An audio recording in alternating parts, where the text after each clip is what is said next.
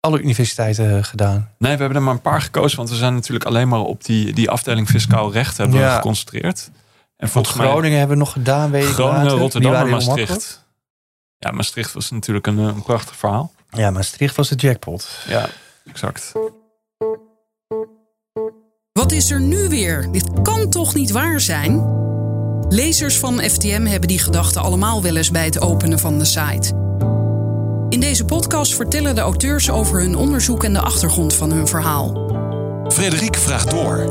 De podcast van Follow the Money. Henk Willem Smits en Bas van Beek, welkom in de podcast. Dankjewel. Ja, dankjewel Frederik. Twee quotes of twee, twee fragmenten uit artikelen van de afgelopen tijd. Minister Dijkgraaf van Onderwijs wil uitleg van vier universiteiten over een afstudeerrichting bij fiscaal recht. Die wordt gesponsord door zes Zuidas-kantoren en de Belastingdienst. Dat was in maart van dit jaar. En op 29 augustus valt te lezen: minister Dijkgraaf informeerde de Kamer onjuist over sponsoring universiteiten door Zuidas. Die artikelen staan in het dossier Wetenschap op bestelling. Bestaat al een heel aantal jaar, volgend jaar tien jaar. Staan allerlei artikelen in. Eh, dit onderzoek loopt ook al een jaar of twee.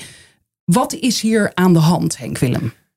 Nou, het eh, punt is, is dat eh, opleidingen fiscaal recht aan Nederlandse universiteiten, die worden vaak bemand door hoogleraren en docenten die ook werkzaam zijn bij een Zuidas-kantoor. En met een Zuidas-kantoor bedoelen we zo EY en KPMG en PwC en, eh en Loyens en Loef en dat soort kantoren. Zijn dat de grote vier die je noemt? Nou, Loyens en Loef hoort niet bij de grote Nee. vier, maar is in Nederland wel, wel een hele grote. En dat is ook wel een, eh, een hofleverancier van docenten en hoogleraren aan eh, universiteiten als het gaat om eh, fiscaal recht. En je ziet dat die hoogleraren die trekken ook eh, docenten aan, eh, wat hun collega's zijn bij die kantoren. En ze trekken ook die kantoren aan als sponsor van die opleiding. Dat is op zich niet zo erg nog, hè, dat, er, eh, dat er bedrijven zijn die universiteiten sponsoren. Maar die bedrijven hebben door die sponsoring ook daadwerkelijk invloed op het onderwijs en op het onderzoek dat wordt gedaan. Dat hebben jullie ontdekt. Ja, ja dat, eh, dat, kun je, dat, dat is duidelijk te zien in, eh, in, in stukken die we hebben gekregen na een beroep op de WO. Daar zal Bas zo eh, nodig over vertellen. Daarin kun je gewoon lezen ja, dat die bedrijven, die grote kantoren, zich bemoeien met, met de gang van zaken. En dat gaat op een hele makkelijke, natuurlijke wijze, omdat de hoogleraren ook werken bij die kantoren. Dus dat hoe- wordt ook helemaal niet vreemd gevonden dat, er, eh, dat die invloed er is. En hoe lang is dat al het geval? Dat is al heel lang zo. Dat is al, al jaren zo. Al, al sinds de jaren 80 of 90. De overheid die zich steeds meer gaan terugtrekken als, als financier van de universiteiten. En de universiteiten zijn altijd zijn sinds, sinds, worden al jaren aangemoedigd om wat dan heet derde geldstromen eh, te vinden. Dus dat kunnen stichtingen zijn, hè, zoals democratie en media. Eh, we hebben bij For the Money ook wel eens eh, artikelen gehad over eh, Chinese instituten. Die ook daadwerkelijk werden gesponsord door, door China, het land China. En dit is ook zo'n derde geldstroom van Zuidas-kantoren naar eh, universiteiten. Het probleem is hier dat die opleidingen... Ja, die zijn niet zozeer meer echt wetenschappelijke opleidingen... als in dat ze onderzoek doen naar alle aspecten van, van het belastingrecht en belastingheffing. Maar dat ze eigenlijk alleen maar bezig zijn met wat in, commercieel interessant is voor die kantoren. Dus dan moet je denken aan zaken als BTW en vennootschapsbelasting en, en invoerheffingen. Want dat is, ja, dat is waar grote bedrijven mee te maken hebben. En dat is dus ook eh, waar die advieskantoren graag advies over geven voor, eh, voor veel geld. Hè? Want het zijn geen goedkope kantoren, ook eh, sturen flinke rekeningen. Ja. En waarom gingen jullie hier onderzoek naar doen? Ja, dit is eigenlijk al een beetje voor mijn tijd is dat onderzoek al gestart. Siem, eh Siem Eikelenboom, onze collega, die, eh, die is samen met Bas begonnen met, met het wobben van universiteiten naar de invloed van sponsors. Eh, fiscaal recht lag wel voor de hand, omdat het op zich wel een beetje bekend was al dat die hoogleraren vaak in deeltijd werkten. En ook verbonden waren aan Zuidas kantoren. Dat die Zuidas kantoren sponsors waren, was ook niet helemaal geheim.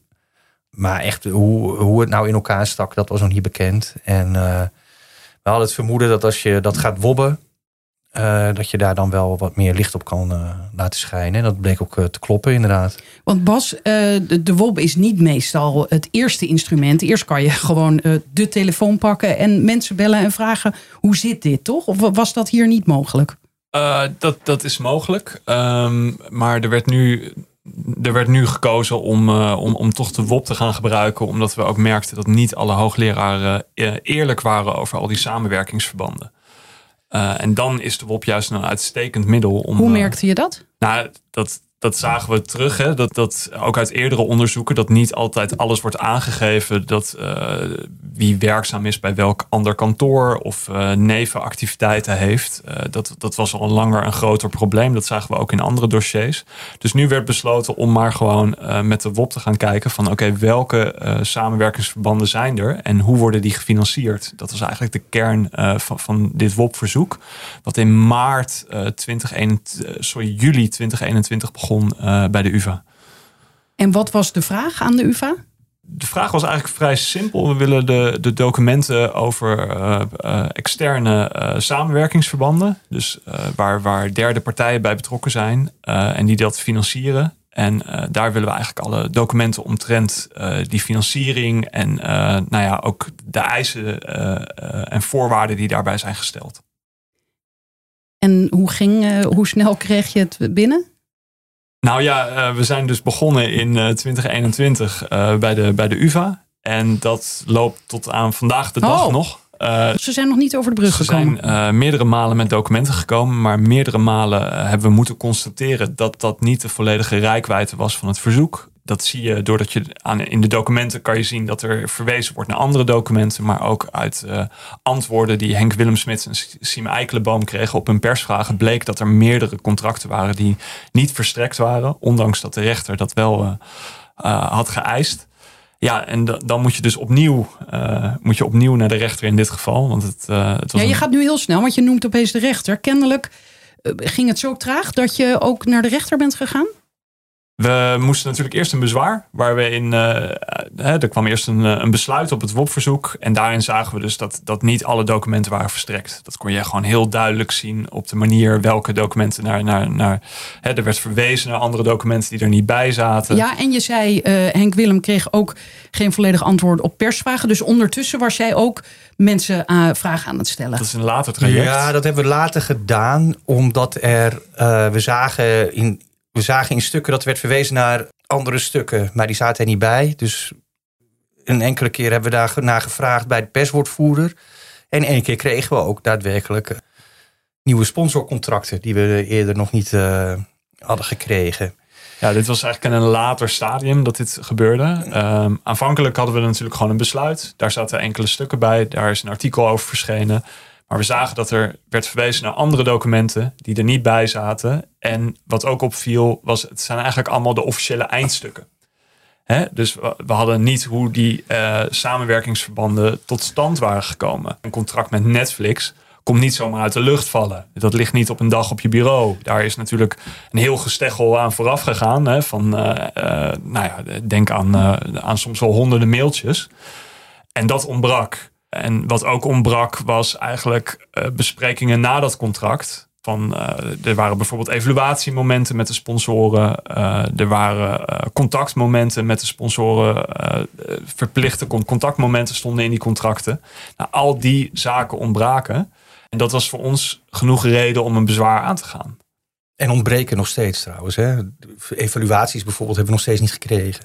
De naam Netflix is gevallen, want wat bleek, de Universiteit van Amsterdam werkte samen met Netflix. Ja, nog steeds. En wat, wat, wat doen ze voor Netflix dan? Bij Netflix is het geval, um, de, de Universiteit van Amsterdam die had op een bepaald moment bedacht om een nieuw project te lanceren naar hoe in de toekomst landen belasting kunnen heffen bij wat zij dan noemen internetplatforms. En met platforms bedoelen ze inderdaad bedrijven als Netflix, of eBay, of, uh, Booking, noem ze maar op. Van hoe moet je die belasten? Want zo'n uh, Netflix uh, bijvoorbeeld, dat zit dan, dat opereert vanuit Nederland. En dat als iemand in Zuid-Korea of Australië naar Netflix kijkt, dan komt de rekening uit Nederland. En al dat geld gaat naar Nederland. Nou, de universiteit had bedacht van we moeten naar kijken van hoe kunnen we die bedrijven uh, belasten. Voor dat project hadden ze sponsors nodig. Want de Universiteit van Amsterdam kan dat niet zelf betalen. Die heeft daar niet genoeg budget voor. Dus de universiteit op zoek naar sponsors. Kwamen onder andere uit bij Netflix.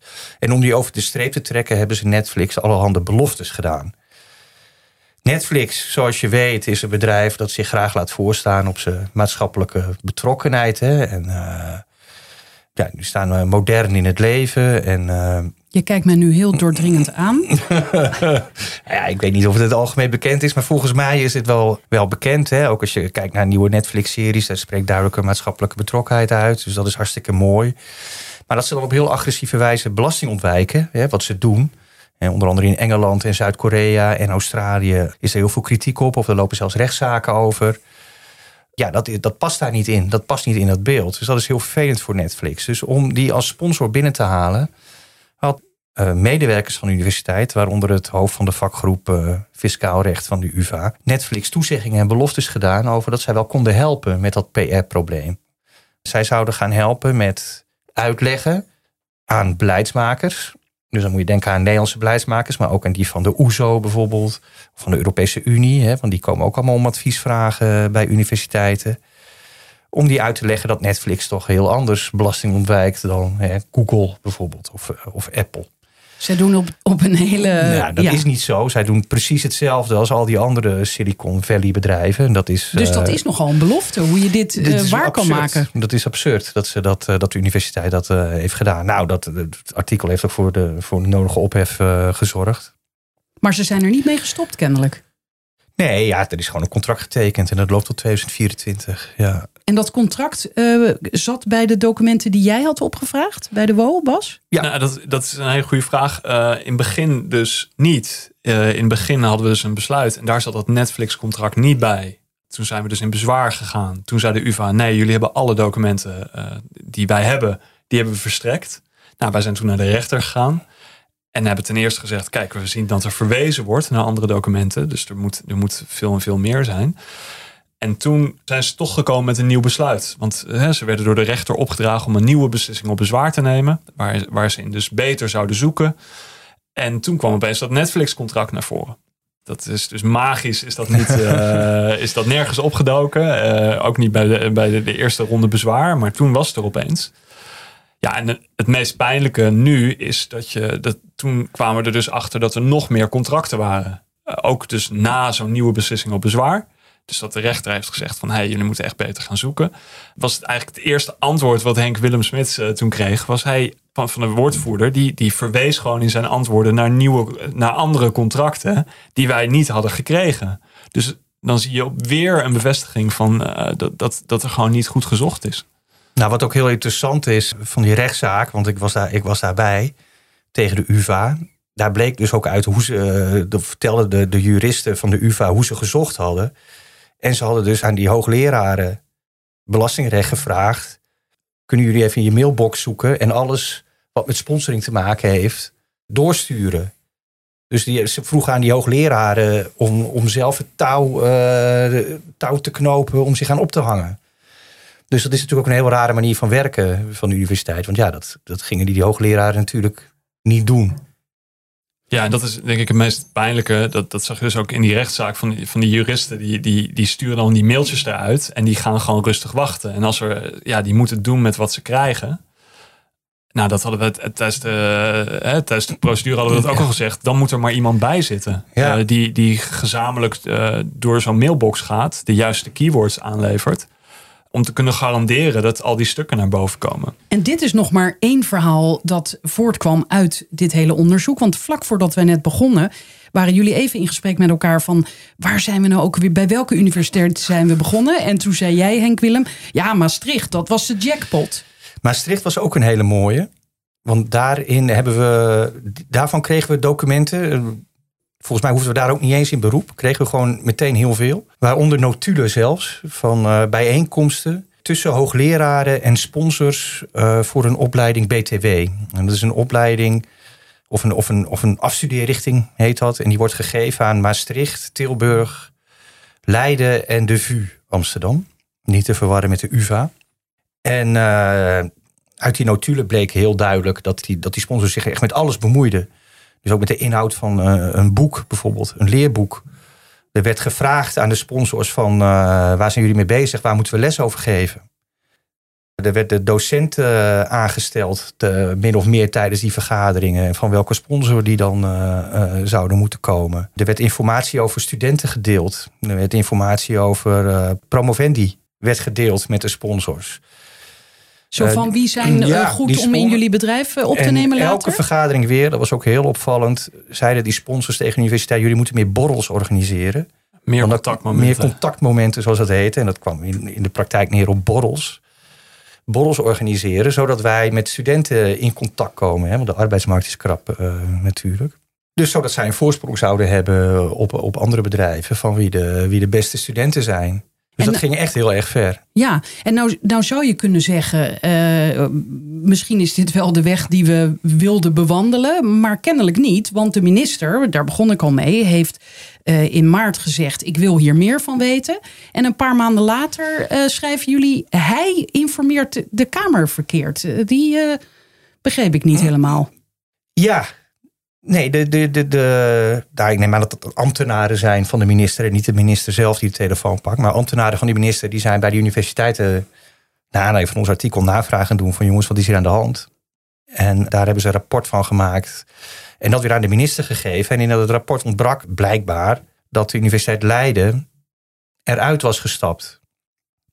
Die is uit dat samenwerkingsverband gestapt, ook mede naar aanleiding van onze verhalen. Omdat ze dus inderdaad ook vonden van ja, dit is hier zitten die sponsors te dicht. Dat hebben ze op het onderzoek en onderwijs. Ja, dat heeft Leiden hardop gezegd. En dat ontbrak in de antwoorden van, uh, van de minister. En de Universiteit Leiden was daar nogal verbazing uh, over. Maar is dit gewoon een slordigheidje of is hier meer aan de hand, Bas? Nou. Oh, Henk oh sorry Bas. Nee, zeg maar. nou, ik heb dat gevraagd, hè, omdat Leiden, de, de, de vakgroepvoorzitter van Fiscaal Recht van Leiden, zei van nou, het is heel raar dat dit de antwoorden zijn van de minister. Want er ontbreekt. Er, staat niet in dat Leiden eruit is gestapt. Omdat wij vinden dat de schijn van belangenverstrengeling te groot is en blijft. En dat is ook niet op te lossen met een convenant bijvoorbeeld. Of met aanvullende afspraken. De andere drie universiteiten vonden dat wel voldoende. Leiden niet. En ik heb dat gevraagd aan de, aan de woordvoerder van de minister. Van waarom dat ontbrak in die antwoorden. En die zei zoiets van ja. Toen wij ernaar vroegen was dat nog niet de stand van zaken. Sowieso beetje raar. En, uh, maar dat zou wel kunnen. Het, nou, het zou kunnen, maar het ligt niet, uh, het ligt niet helemaal voor de hand. Maar uh, ik weet ook niet precies wat, er, wat de universiteit hebben gerapporteerd aan de, aan de minister. Nee, maar maar het lijkt erop dat de minister niet zo zin heeft in die hele discussie. Uh, Aha, want, want, dat wilde ik net vragen. Hoe belangrijk vinden wij dit en, en dus de minister? Ik bedoel, uh, moet hier paal en perk aangesteld worden, zegt de Tweede Kamer? Of, of, ja. of is, zijn we al te ver en zeggen we ja, dit, dit, dit is, er komen goede mensen van die opleidingen, die kunnen dan weer bij die kantoren aan het werk. De economie is nou, zo belangrijk. Er komen heel eenzijdige mensen van die uh, opleidingen. En dat is ook de kritiek. Die mensen worden helemaal opgeleid voor de beroepspraktijk. Van wat die Zuidas-kantoren interessant, uh, commercieel interessant vinden. Op zich mag dat natuurlijk. Maar dat hoort niet thuis op een universiteit.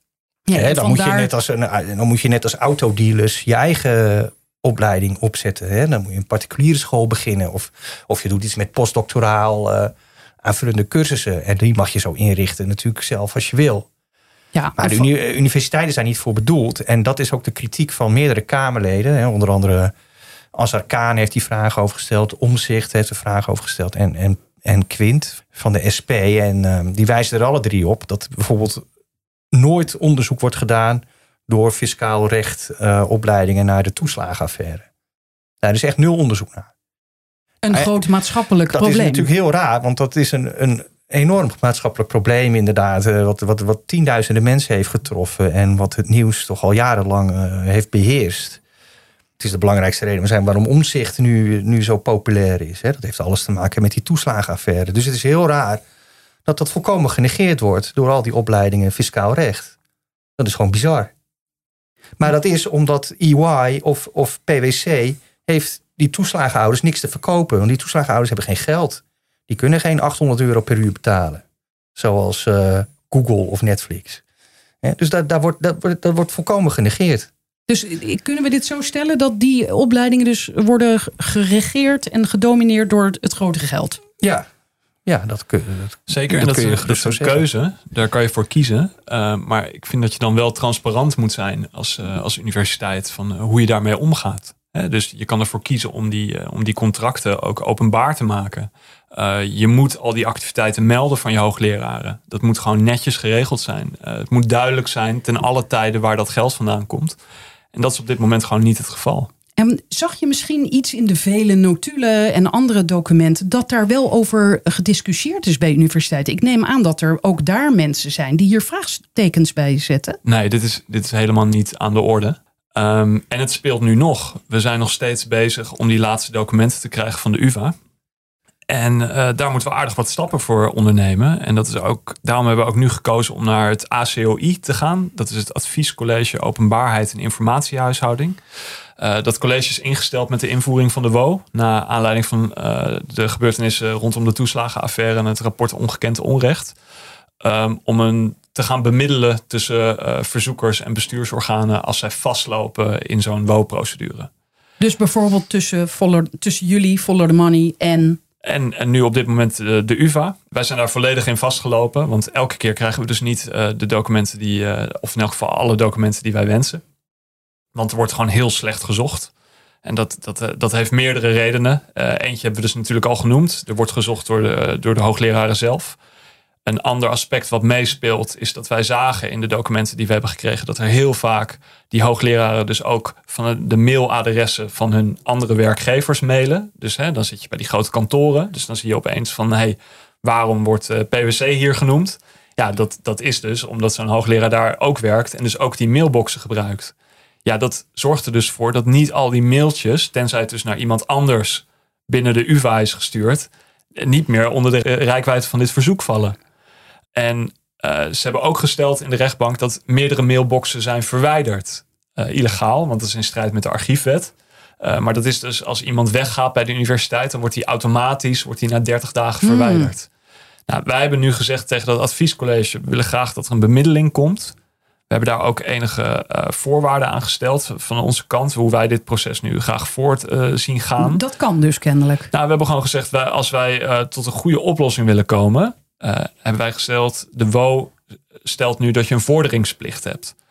Dus als jij niet meer alle documenten hebt die je normaal onder je zou moeten hebben, omdat je ze bijvoorbeeld verwijderd hebt uh, uh, na 30 dagen, of dat je ziet dat er gewoon wel heel veel documenten ontbreken, dan moet je als bestuursorgaan je best gaan doen om dat zo goed mogelijk te gaan herstellen. Nou, dan komt zo'n vorderingsplicht. Dus dan kan je bijvoorbeeld bij zo'n Netflix, als je ziet van hé, hey, waarom missen we dat hele voortraject hè, voor zo'n contract?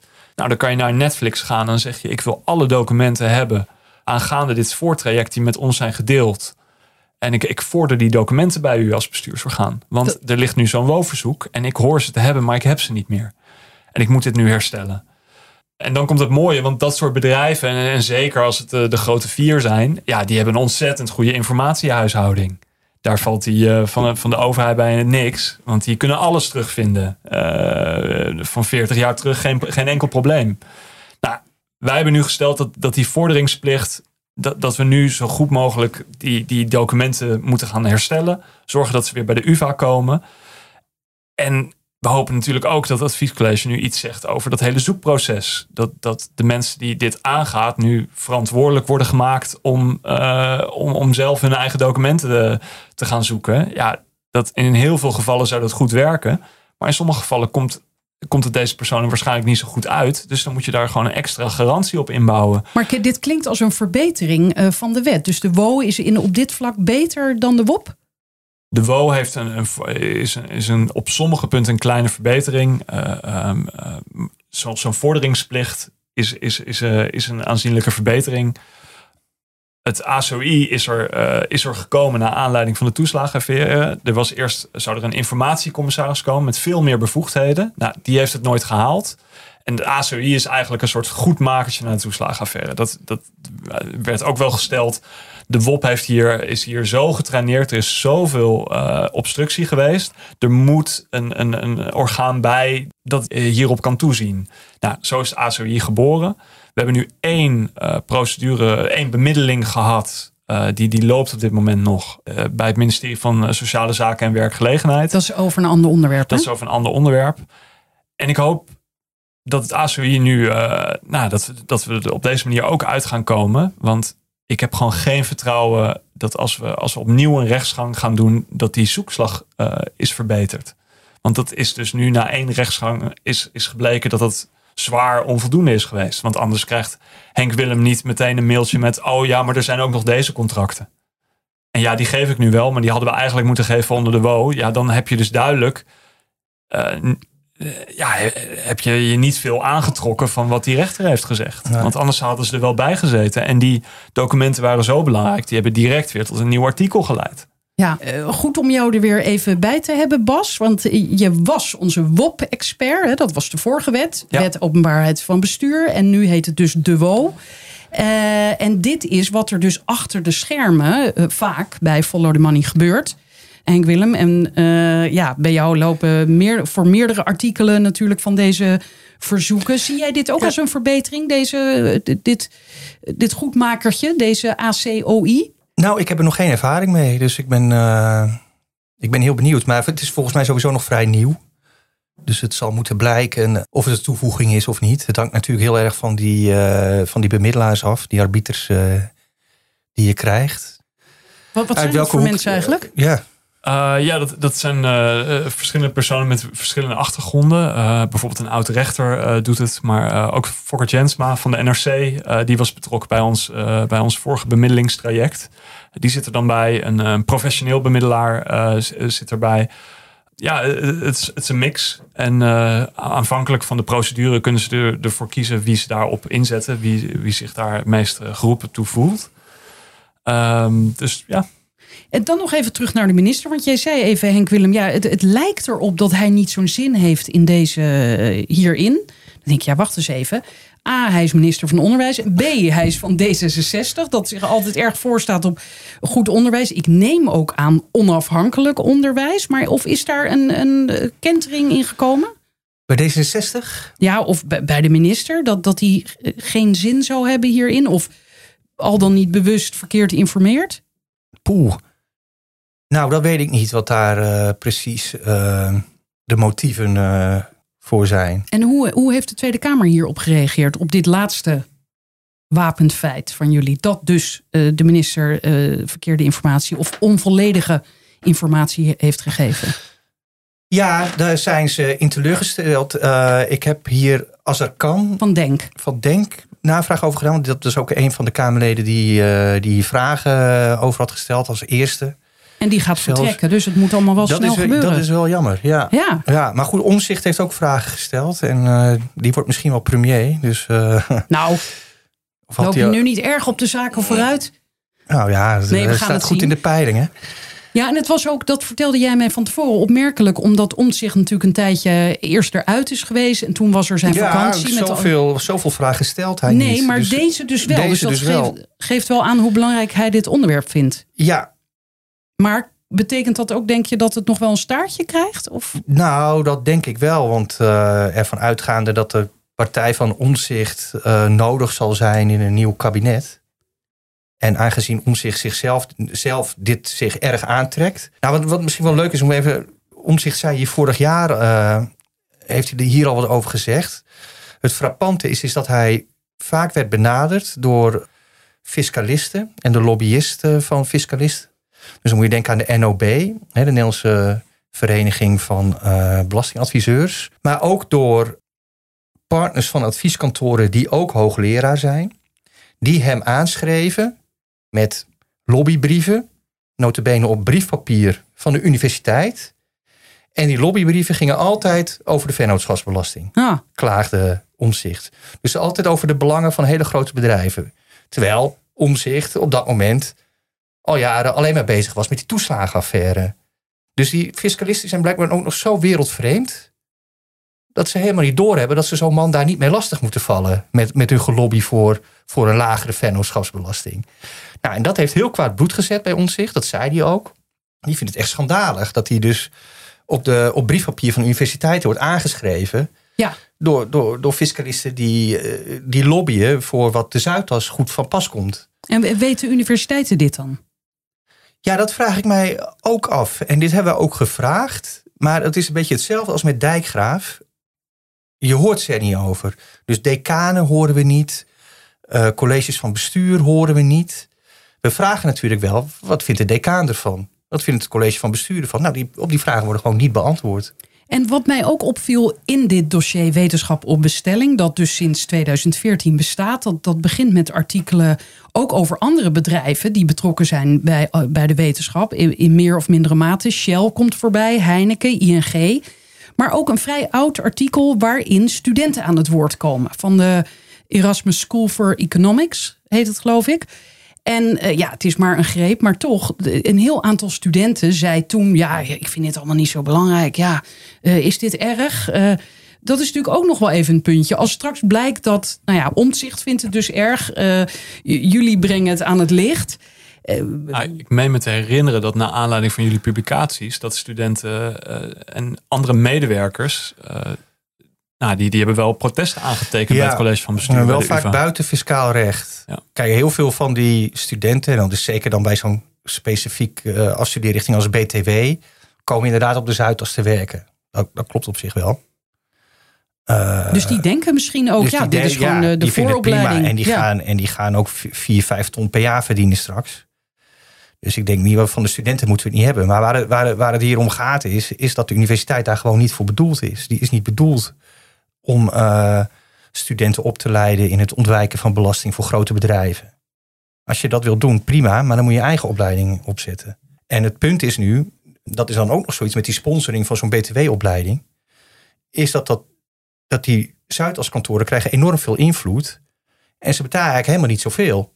Ze sponsoren wel. Dus als ze meedoen, laten ze dan meer betalen? Ja, dus als je dat al... Kijk, als zij zelf een opleiding zouden moeten inrichten hè, met, met capabele mensen, met, met, hè, met mensen op academisch niveau, ja, dan ben je zo miljoenen per jaar kwijt. Nu betaalt EY bijvoorbeeld voor die, uh, en, en PwC betalen aan die BTW-opleiding 25.000 euro per jaar. Oh, hè? Nou, dat, is een, dat is echt een dat is een koopje. En echt elk jaar zien dat we terug in die notulen dat ze gewoon klagen. En dat nog ze klagen ook. Dat ze, ze vinden te veel geld. En, en, de ehm, rest wordt dus door de burgers betaald? Nou, een deel gaat in Natura. Hè, dus omdat ze bijvoorbeeld docenten eh, eh, of hoogleraren zijn afkomstig van die kantoren.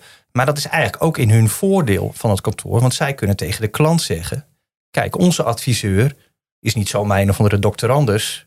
die net van de universiteit komt. Nee, die geeft les op de universiteit. Hè? Dus dat is een hele pief. dus in plaats van 600 euro kost hij 800 euro per uur. Hè? Omdat het geeft ook geeft status. Het geeft, geeft, ja. het geeft status aan die, uh, aan die bedrijven en aan die personen. Ja, het, het, was, het was bizar om te zien wat ze allemaal kregen. Uh, is, uh, voor zo weinig geld. Ja. Ik bedoel, wij vragen journalistieke fondsen aan en krijgen meer geld met, met, minder voorwaarden, kan je stellen. Ja. De uitzondering, of de uitzondering daarop is wel dat project van de UVA. Daarvoor heeft Netflix meer dan een half miljoen betaald. Wat nog want die hadden niet door dat het veel goedkoper kon. Nee, dat hadden ze blijkbaar niet. Uh, ik denk dat die wel denken als ze het lezen van... goh, we hebben wel... Uh, we hadden het ook de helft minder kunnen betalen. Ja, en die kans is aanwezig. Want inmiddels uh, worden er heel vaak artikelen van Follow the Money vertaald... Hè, voor ftm.eu. Is dit dossier daar ook onderdeel van of nog nee, niet? Nee? nee, niet. Omdat het te binnenlands is? Ja, dit is te binnenlands, ja. Oké, dank jullie wel. Alsjeblieft. Ja, graag gedaan. Al meer dan 40.000 mensen maken het werk van Follow the Money mogelijk. Die leden zijn onze sponsors. Ook lid worden? Ga naar ftm.nl.